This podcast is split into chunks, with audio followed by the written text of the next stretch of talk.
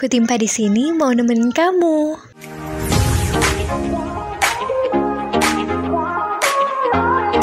Kembali lagi di podcast Fast of Panda segmen Kutimpa yaitu Kuarti MIPA. Podcast ini dipersembahkan oleh BEM FMIPA Departemen Advokasi dan Kesejahteraan Mahasiswa. Selamat mendengarkan.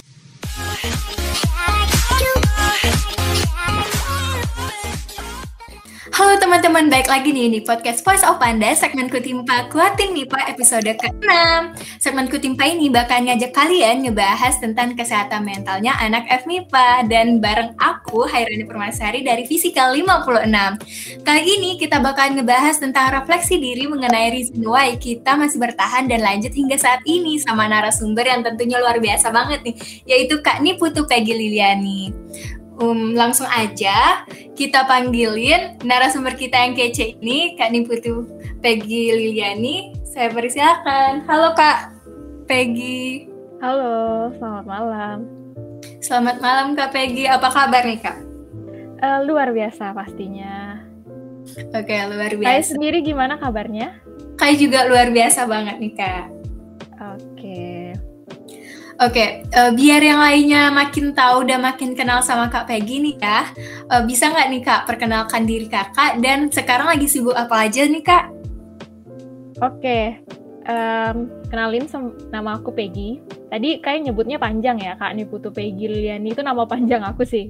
Aku biasanya dipanggil Peggy gitu. Kesibukan karena aku angkatan 54 yang pastinya udah semester uh, eh, 8 ya udah mahasiswa tingkat akhir gitu. Kalau dibuat jok sama anak-anak IPB biasa dibilang mahasiswa gitu ya. Karena udah mahasiswa tingkat akhir gitu ya. Kesibukannya ya pasti uh, ngelakuin kewajiban sebagai mahasiswa tingkat akhir yaitu mm, melakukan penelitian, terus nyusun skripsi. Ya sekarang mau siap-siap buat sidang sih, buat mencari gelar anak FMIPA pasti tahu gelarnya rata-rata SSI pasti ya gitu. Terus kesibukan lainnya paling karena uh, as branding juga, aku kan lagi ada kegiatan duta, jadi lagi sibuk prepare buat kegiatan duta sih. Nanti bakalan running di bulan Oktober gitu. Oke, berarti uh, sebagai duta IPB nih ya, tugasnya nge-branding IPB keluar-luar. Iya bener banget. Marketingnya IPB sih ya. Iya. Kalau kayak sendiri nih, tadi gimana? Kalau kayak sendiri sekarang masih sibuk uh, di BEM FMIPA sama di komunitas Panti Goceng. Oke, Panti Goceng dan juga FMIPA ya di BEM ya. Iya. Oke, mantap.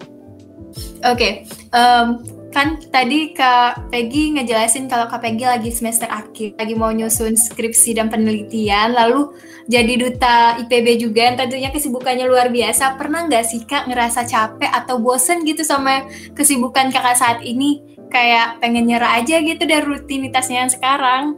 Wow, pertanyaannya menarik ya gitu ya. Uh, pernah ngerasa bosen atau ngerasa pengen nyerah nggak sih gitu? aku sebagai manusia yang normal ya maksudnya uh, as a human gitu maksudnya manusia yang bener-bener ya aku manusia gitu pernah banget yang ngerasa namanya bosen pernah ngerasa juga kayak pengen nyerah tapi itu rasa yang normal bakal timbul aku yakin juga teman-teman pasti bakalan pernah ngerasain dan ada di fase itu gitu Oke, okay. berarti pernah putus asa nggak? Pernah putus asa, um, rasa mau putus asanya ada, pernah. Tapi sampai putus asanya jangan sampai ya. Belum pernah sih. Takut sebenarnya juga kalau dari aku pribadi takut sebenarnya ngerasa uh, tumbuh rasa putus asa dan sampai benar putus asa gitu. Tapi untungnya orang-orang di sekeliling aku sportif sekali gitu. Jadi ya tidak sampailah tahap putus asa itu gitu. Oke, berarti masih bisa menghandle kegiatan-kegiatannya sungguh banyak itu ya, Kak? Amin sih ya. Kalau kalian sendiri gimana? Pernah kayak gitu? Uh, aku malah sekarang lagi di posisi itu. Wow. Menyerah gitu loh, Kak. Oke, kalau gitu berarti kita eh, nggak uh, salah lagi ya ngobrol-ngobrol bahas ini berarti ya kak ya? Ya, biar kayak dikuatin gitu sama-sama saling menguatkan sih ya. Benar. Oke, uh, kalau kakak sendiri nih kan pernah ngerasain capek, pernah ngerasain lelah, bahkan hampir putus asa nih ya.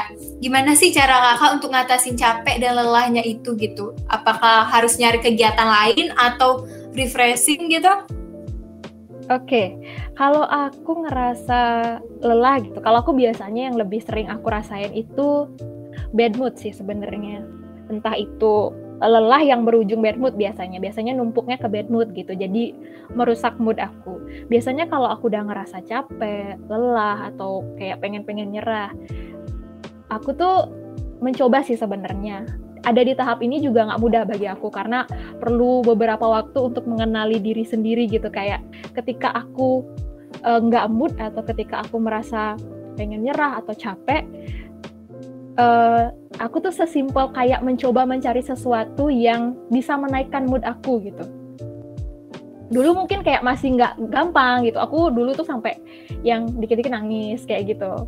Aku orangnya bisa dibilang nangisan gitu lah ya. Aku nggak bilang diri aku cengeng aku bilang diri aku nangisan. Karena emang kalau dulu tuh belum menemukan gimana sih kalau ketika aku nggak mood atau capek itu aku melampiaskannya lebih ke nangis gitu. Tapi sekarang udah tahu ritmenya.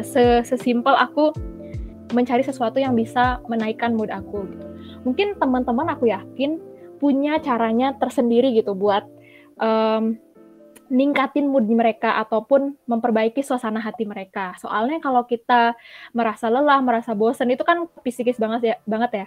Maksudnya uh, akan buat kita jadi nggak bagus moodnya gitu. Nah, nah takutnya juga akan berdampak gimana perilaku kita ke orang lain gitu.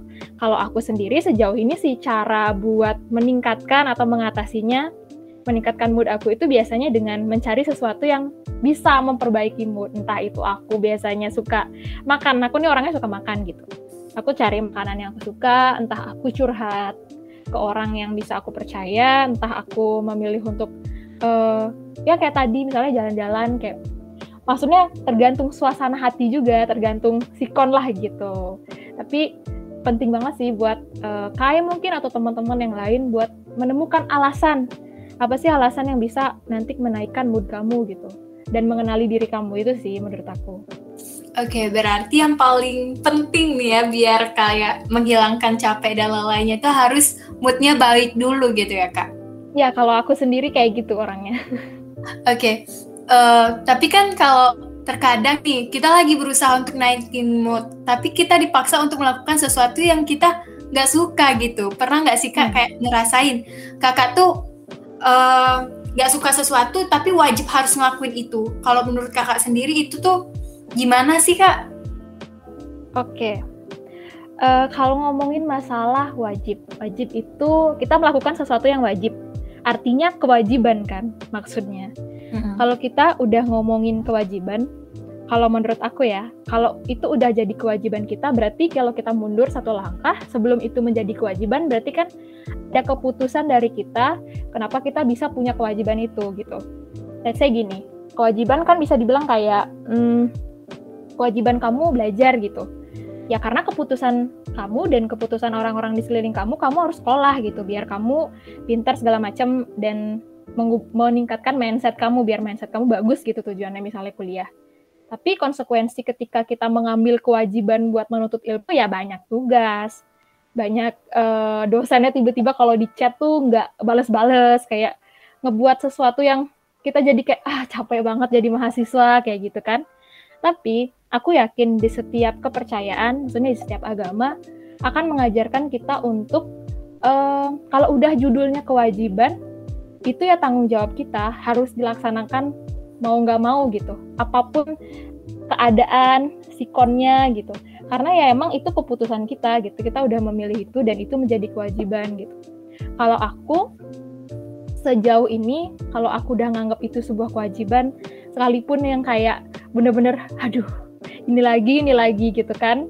Tapi ya mau gimana lagi memang kalau udah judulnya wajib ya harus dijalani gitu mungkin sembari nanti kalau misalnya ngerasa bener-bener kayak jenuh ya toleh kanan kiri boleh ya nanti tapi uh, konteks tol toleh kanan kirinya nanti kita bahas lebih dalam lagi deh gitu. Oke, berarti kalau walaupun mood udah rusak kalau itu wajib kita harus tahu tanggung jawab kita ya untuk ngelakuin itu. Iya, benar banget. Soalnya aku juga lagi di posisi ini nih, lagi terpaksa harus melakukan sesuatu yang aku sendiri nggak suka gitu. Tapi itu uh, maksudnya akan ada pada setiap orang gak sih? Maksudnya ketika kita emang merasa kayak, ih aku nggak suka tapi harus lo ngelakuin ini gitu. Iya ya, sih sering banget pasti nemuin hal-hal yang seperti itu. Iya. Kadang uh, buat istirahat dulu bentar itu nggak apa-apa sih. Maksudnya kayak hah lihat lihat ke belakang bentar oh ternyata kita udah jalan sejauh ini ya kadang-kadang hal-hal sekecil itu bisa buat kayak oh ya udah lu emang bisa bertahan sejauh ini dan ya udah lanjut lagi gitu. Oke jadi intinya lagi ya kita tuh eh, nggak uh, apa-apa ngelakuin apa pun yang kita mau ataupun kita terpaksa melakukan kewajiban nggak kita sukai. Asalkan kita bisa tahu gitu limit kita udah tuh kita juga um, bisa ngambil keputusan kayak kalau kita mau menghilang atau mau refreshing itu juga nggak apa-apa. Jadi jangan membebankan pikiran kita dan hal-hal yang sebenarnya nggak perlu jadiin beban gitu ya kak. Iya benar. Tapi nanti di garis bawahi ya, menghilang itu bukan solusi, oke? Okay? Oke. Okay. Jadi jangan menghilang teman-teman. Jangan menghilang. Si istirahat sejenak itu boleh. Oke. Okay. Oke. Okay. Jadi tolong digarisi bawahi teman-teman kalau jangan menghilang tapi silakan untuk istirahat sejenak. Lalu gini, ya. gimana nih tanggapan kakak kalau hmm. ada orang yang merasa bosan dengan yang dia lakuin, yang apa hal-hal yang dia lakuin secara terus menerus itu kan kadang-kadang bikin kita bosan ya. Hmm. Jadi gimana sih tanggapan kakak? Boleh dong sharing tentang uh, biar kita tetap bisa bertahan gitu di kondisi yang kayak gitu. Oke. Okay ini mungkin jawabannya akan menjadi sedikit klise ya. Aku yakin setiap orang yang ditanya, mungkin nggak yakin ya maksudnya kayak mungkin akan kebanyakan orang yang ketika ditanya pertanyaan ini pasti akan menjawab kayak ya kamu harus menemukan alasan kamu untuk bisa bertahan gitu. Uh, mungkin ada juga perkataan klise yang bilang bilang penting banget buat kamu tuh mengenali diri kamu sendiri. Itu benar banget kok. Ketika kamu udah mengenal diri kamu sendiri itu akan lebih memudahkan kamu untuk memanage diri kamu gitu loh. Kalau yang aku rasain sejauh ini ya dan berada di proses untuk bisa mengenali diri sendiri itu emang gak mudah gitu. Karena aku pun tadi kenapa bilang aku bukan orang yang cengeng. Uh, padahal aku tahu diri aku tuh nangisan gitu dikit-dikit nangis gitu. Tapi ketika aku nangis aku menemukan diri aku yang jauh lebih kuat dari sebelumnya gitu. Hmm itu kenapa aku bilang aku nggak mengecap diri mengecap ya maksudnya melabelkan diriku sebagai orang yang cengeng gitu. Nah balik lagi eh, tadi yang seperti aku bilang kamu harus menemukan nih alasan untuk kamu bisa bertahan karena itu penting. Entah alasan itu muncul dari diri kamu sendiri atau dari orang-orang di sekelilingmu gitu. Itu bisa banget menjadi alasan. Oke okay. berarti uh, untuk buat kita bertahan hingga saat ini tuh kita harus tahu alasan untuk kita bertahan, lalu kita juga harus memahami diri kita sendiri gitu kan ya? Iya benar banget sih. Kamu harus mencari sih itu alasan apa yang bisa ngebuat kamu bertahan karena kalau tanpa alasan kayak kamu akan buta gitu kayak belum ketemu benang merahnya kamu ngapain sih sebenarnya kayak gini gitu berjuang uh, sampai sejauh ini tuh buat apa gitu kan kalau ada alasan kayak ada yang memberikan jalan gitu. Ini garis misalnya di garis putih gitu kayak jalan raya ini lo garis ini lo jalannya kamu terus ngelewatin ini jangan ke trotoar gitu. Kayak gitu sih sebenarnya kalau aku bisa analogikan gitu. Oke okay, berarti uh, intinya kita harus tahu nih alasan kita untuk terus bertahan. Ya berarti alasan itu sangat penting gitu biar kita masih mau lanjut ke tahap-tahap selanjutnya. Kalau boleh tahu nih ya kak apa sih alasan atau reason kakak bertahan hingga saat ini di kegiatan-kegiatan kakak yang banyak itu? Oke, okay. uh, eh, alasan untuk bertahan di kegiatan yang masih banyak ini ya. Sebenarnya alasan ini juga timbul karena kalau boleh cerita ya, karena dari background aku juga, maksudnya aku kan uh, berasal dari keluarga yang aku tahu perjuangan ayah dan ibuku dari sewaktu aku masih udah mengerti gitu ya. Udah mengerti apa yang sedang terjadi itu aku tahu perjuangan mereka sampai bisa berada di titik ini gitu. Itu juga menjadi alasan aku kenapa aku harus bertahan. Selain itu mungkin ini agak gimana gitu ya tapi nggak apa-apa karena kita sebagai mahasiswa pasti juga mencoba menemukan partner dalam hidup gitu ya kita ngomongnya partner jangan ngomong ke konotasi pacaran dulu ya. Maksudnya partner ya siapa pun itu gitu. Aku merasa di titik ini aku sudah menemukan um, partner yang tepat gitu. Yang bisa ngebuat aku nggak gimana ya nggak lepas nggak keluar jalur gitu. Karena aku ngelihat dia dia orangnya selalu tumbuh dia orangnya selalu kayak menginspirasi dan ngebuat kayak kok dia makin hari makin keren gitu. Aku pun juga jadi kayak wah aku nggak boleh. Kalau aku mau jadi partner dia aku nggak boleh jadi yang biasa-biasa aja dong gitu. Setidaknya kalau kita memang mau jadi partner ya balance lah gitu. Saling melengkapi gitu. Nah aku mencoba mencari alasan-alasan simple dalam hidup buat tetap bisa bertahan buat terus berusaha gitu kan. Kadang-kadang rasa capek rasa jenuh yang kayak gitu-gitu tuh pasti datang aja maksudnya kayak mengganggu mengganggu konsen kita pikiran kita. Tapi saat kita merasa itu ya nggak salah juga sih gitu itu normal banget sebagai manusia gitu Oke, berarti alasan kakak sendiri untuk bertahan adalah karena kakak tahu kondisi orang tua kakak yang sudah berjuang itu kayak gimana, sama kakak udah nemuin partner yang tepat nih, uh, yang bisa buat kakak selalu bertahan dan maju gitu kan ya? Iya benar dan aku yakin Kai pun alasannya akan berbeda dari alasan aku. Aku yakin setiap orang akan punya alasan yang berbeda gitu buat mereka tetap bertahan itu apa. Jadi uh, mungkin simpel yang bisa aku ceritain buat teman-teman yang masih bingung nyari alasan teman-teman buat bertahan itu maksudnya nggak jauh-jauh gitu. Kadang-kadang ya berasal dari diri sendiri, lingkungan, maksudnya orang-orang terdekat kita, lingkungan, bahkan Indonesia bisa jadi alasan kamu tetap bertahan lihat Indonesia yang kondisinya kayak sekarang atau dunia atau bahkan Tuhan gitu. Yang paling paling level paling mantap itu Tuhan gitu. Kan kita nggak pernah tahu setiap orang. Jadi mungkin kamu perlu mencoba gitu mencari tahu diri kamu dulu sebenarnya eh, kita ini maunya seperti apa sih tujuan kita seperti apa sih dan mencari tahu juga alasan kita untuk bertahan itu apa sih gitu. Oke mantap banget nih alasan uh, dan perkataan dari kak Peggy kalau setiap orang tuh punya alasan yang berbeda-beda dan kita wajib untuk mencari tahu itu biar kita terus bertahan gitu. Terutama ketika kita udah tahu kalau alasan utama kita adalah Tuhan itu bakal membuat kita semakin kuat gitu. Oke nih kak, uh, sering kali ya kan kalau di sosial media kita tuh ngelihat uh, ada orang-orang yang merasa salah jurusan. Contohnya aku nih, aku merasa banget kalau aku salah jurusan. Kalau menurut kakak pribadi itu gimana sih kak? Apa mereka harus tes lagi uh, untuk dapetin jurusan yang mereka mau atau mereka harus bertahan aja gitu di jurusan yang mereka uh, salah masukin itu? Wow, aku takut bahas ini jadi hal yang sensitif, tapi semoga tidak menyinggung uh, ini ya warga FMIPA Jaya ya. Oke, okay, kalau kita ngomongin masalah salah jurusan nih, kalau aku bisa bedah itu mungkin jadi dua hal gitu dia ngomong dia salah jurusan saat dia memang sudah punya setting goals yang mantap gitu. Misalnya nih aku contohin Kai. Kai sendiri udah punya setting goals dari sebelum masuk IPB nih dari SMA udah setting goals mau. Misalnya aku mau masuk IPB, setelah masuk IPB aku eh maksudnya aku masuk IPB mau jurusan let's say tadi uh, Kai jurusan apa Kai?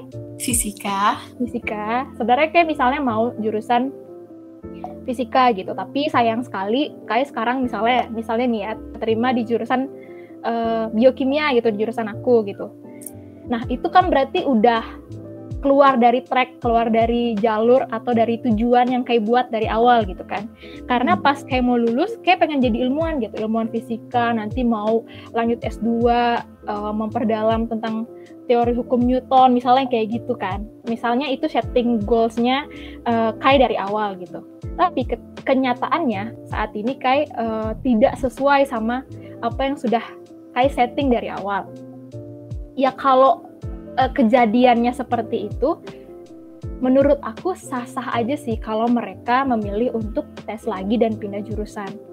Karena kan mereka juga melakukan semua itu ada alasannya. Alasannya Kai kayak gitu, karena Kai punya visi dan goalsnya Kai sendiri kan. Kai mau jadi ilmuwan yang terkenal gitu.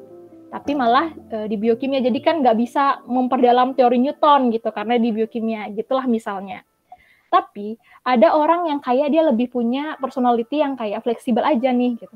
Gue belum sebenarnya belum nyeting goals yang bener-bener dalam. dalam artian dia belum pengen ngebuat gitu dia mimpinya apa ke depannya segala macam dia belum dia lebih kayak orang yang fleksibel aja gitu nah tapi dia muncul dalam pikirannya dia wah apa aku salah jurusan ya nah ada kadangkala dia ngomong salah jurusan ketika dia baru kalau dalam misalnya kalau aku analogikan seperti buku dia baru di bab satu tapi dia udah bilang dirinya salah jurusan sebenarnya kamu perlu tahu baca itu buku sampai daftar pustakanya gitu.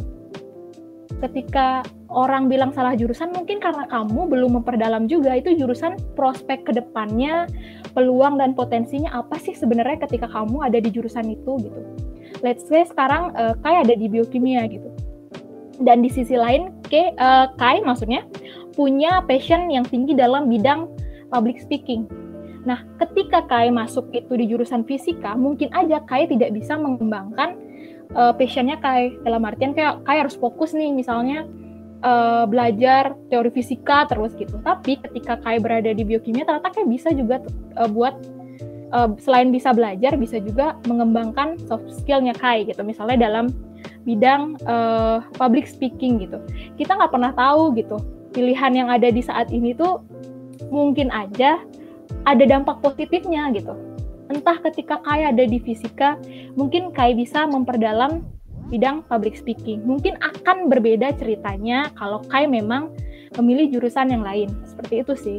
Kadang-kadang ada beberapa uh, beberapa kejadian yang nggak bisa kita samaratakan jawabannya. Kalau menurut aku ya mungkin kalau buat kalian yang belum menemukan atau belum menetapkan goalsnya dari awal atau masih seperti orang yang oke okay, aku fleksibel aja aku mengalir ketika kalian merasa salah jurusan mungkin saran dari aku coba kalian lihat lagi. Apa sih keuntungan atau hal-hal positif yang bisa kalian dapat ketika kalian berada di jurusan ini? Coba coba uh, gali lagi uh, kalau semisalnya apa sih nanti peluang karir dari jurusan ini gitu. Ketika kita mengenali, semakin tahu akan semakin tumbuh rasa cinta gitu. Dulu juga aku pas awal-awal masuk IPB aku belum tahu IPB sekeren ini gitu. Ketika aku udah jadi duta, nah yang aku konsumsi kan konten-konten positifnya IPB. Dalam artian oh IPB tuh banyak inovasinya. IPB tuh ternyata yang chip yang pertama kali menemukan Papaya Kalina alias Papaya California loh kan kita jadi kayak wow IPB keren juga ya. Semakin tahu kita hal-hal positif dari bidang yang akan kita tekuni aku yakin kita semakin cinta gitu. Jadi ada dua jawaban sih di sini kayak maaf ya panjang lebar. Tapi semoga menjawab. Oke. Okay. uh, eh, berarti untuk teman-teman yang merasa lagi salah jurusan ya yang paling benar itu adalah menelaah dan mencari tahu lebih dalam nih. Apakah kita benar-benar salah jurusan atau kita tuh uh, hanya berada di bab satu yang di mana kita sendiri belum selesai baca buku itu gitu. Jadi kita harus belajar lebih banyak lagi, harus cari lebih banyak lagi. Apakah kita benar-benar salah jurusan atau kita cuma jenuh aja nih sama yang lagi kita lakuin sekarang? Iya, benar banget Kai. Oke, okay, uh, eh, kita udah ada di penghujung acara nih kak. Pakai bilang acara ya. Udah gak terasa ya? Guys, iya udah nggak ter, uh, udah nggak terasa, udah nggak terasa kalau udah di ujung podcast kita. Nih, uh, kakak ada nggak nih pesan-pesan untuk teman-teman yang masih belum menemukan alasan untuk bertahan? Oke. Okay. Singkat aja kali ya. Ini aku tahu dur durasi podcast nggak boleh lama-lama kali ya. Oke buat teman-teman semua, di mana pun kamu yang lagi dengerin podcast ini, ketika ini saran sharing dari aku sih, maksudnya bukan bermaksud menggurui atau apa atau bagaimana, tapi dari pengalaman sendiri penting banget buat kita, apalagi udah mahasiswa untuk mengenali dirimu sendiri, siapa sih kamu gitu mencoba ya. mengenali diri memang tidak mudah, tapi itu perlu. Dari sana kamu bisa akan menemukan alasan-alasan kenapa kamu harus bertahan. Entah itu berasal dari dirimu, dari sekelilingmu, atau misalkan alasan itu berlah ber berasal dari apa yang udah kamu setting dari awal, apa yang menjadi tujuanmu, atau kamu mungkin bisa nih, ketika kamu udah berada di suatu titik, kamu capek, kamu lelah, kamu boleh kok noleh ke belakang sebentar, ngelihat udah seberapa jauh sih kamu berjalan. Dan ketika kita memang uh, flashback sedikit, kita akan bisa merasa oh ternyata kamu sudah sekuat ini, kamu sudah bertahan sejauh ini. dan aku yakin rasa-rasa seperti itu akan membuat kita semakin kuat dan semakin tahu alasan kita untuk bertahan itu apa gitu sih Kai Oke, makasih banget nih Kak Peggy uh, atas pesan-pesannya dan makasih banget udah ngeluangin waktu untuk kita sharing-sharing bareng uh, alasan untuk kita bertahan hingga saat ini. Maaf banget kalau masih banyak kekurangan. Dan untuk teman-teman sekalian jangan lupa kalau kalau kalian lagi jenuh atau kalian bingung nih, kenapa sih gue harus bertahan? Jangan lupa untuk cari alasannya, harus cari reason why-nya dan Mungkin saja reason why itu berasal dari diri kalian sendiri atau dari lingkungan sekitar kalian. Oke, aku Hairani Permasari mohon undur diri. Jika ada salah kata saya mohon maaf kepada Allah, saya mohon ampun. Terima kasih juga untuk Kak Peggy. Uh, sampai jumpa di podcast Kutimpa selanjutnya. Bye-bye. Bye, terima kasih ya Kutimpa. Terima kasih Kak Peggy.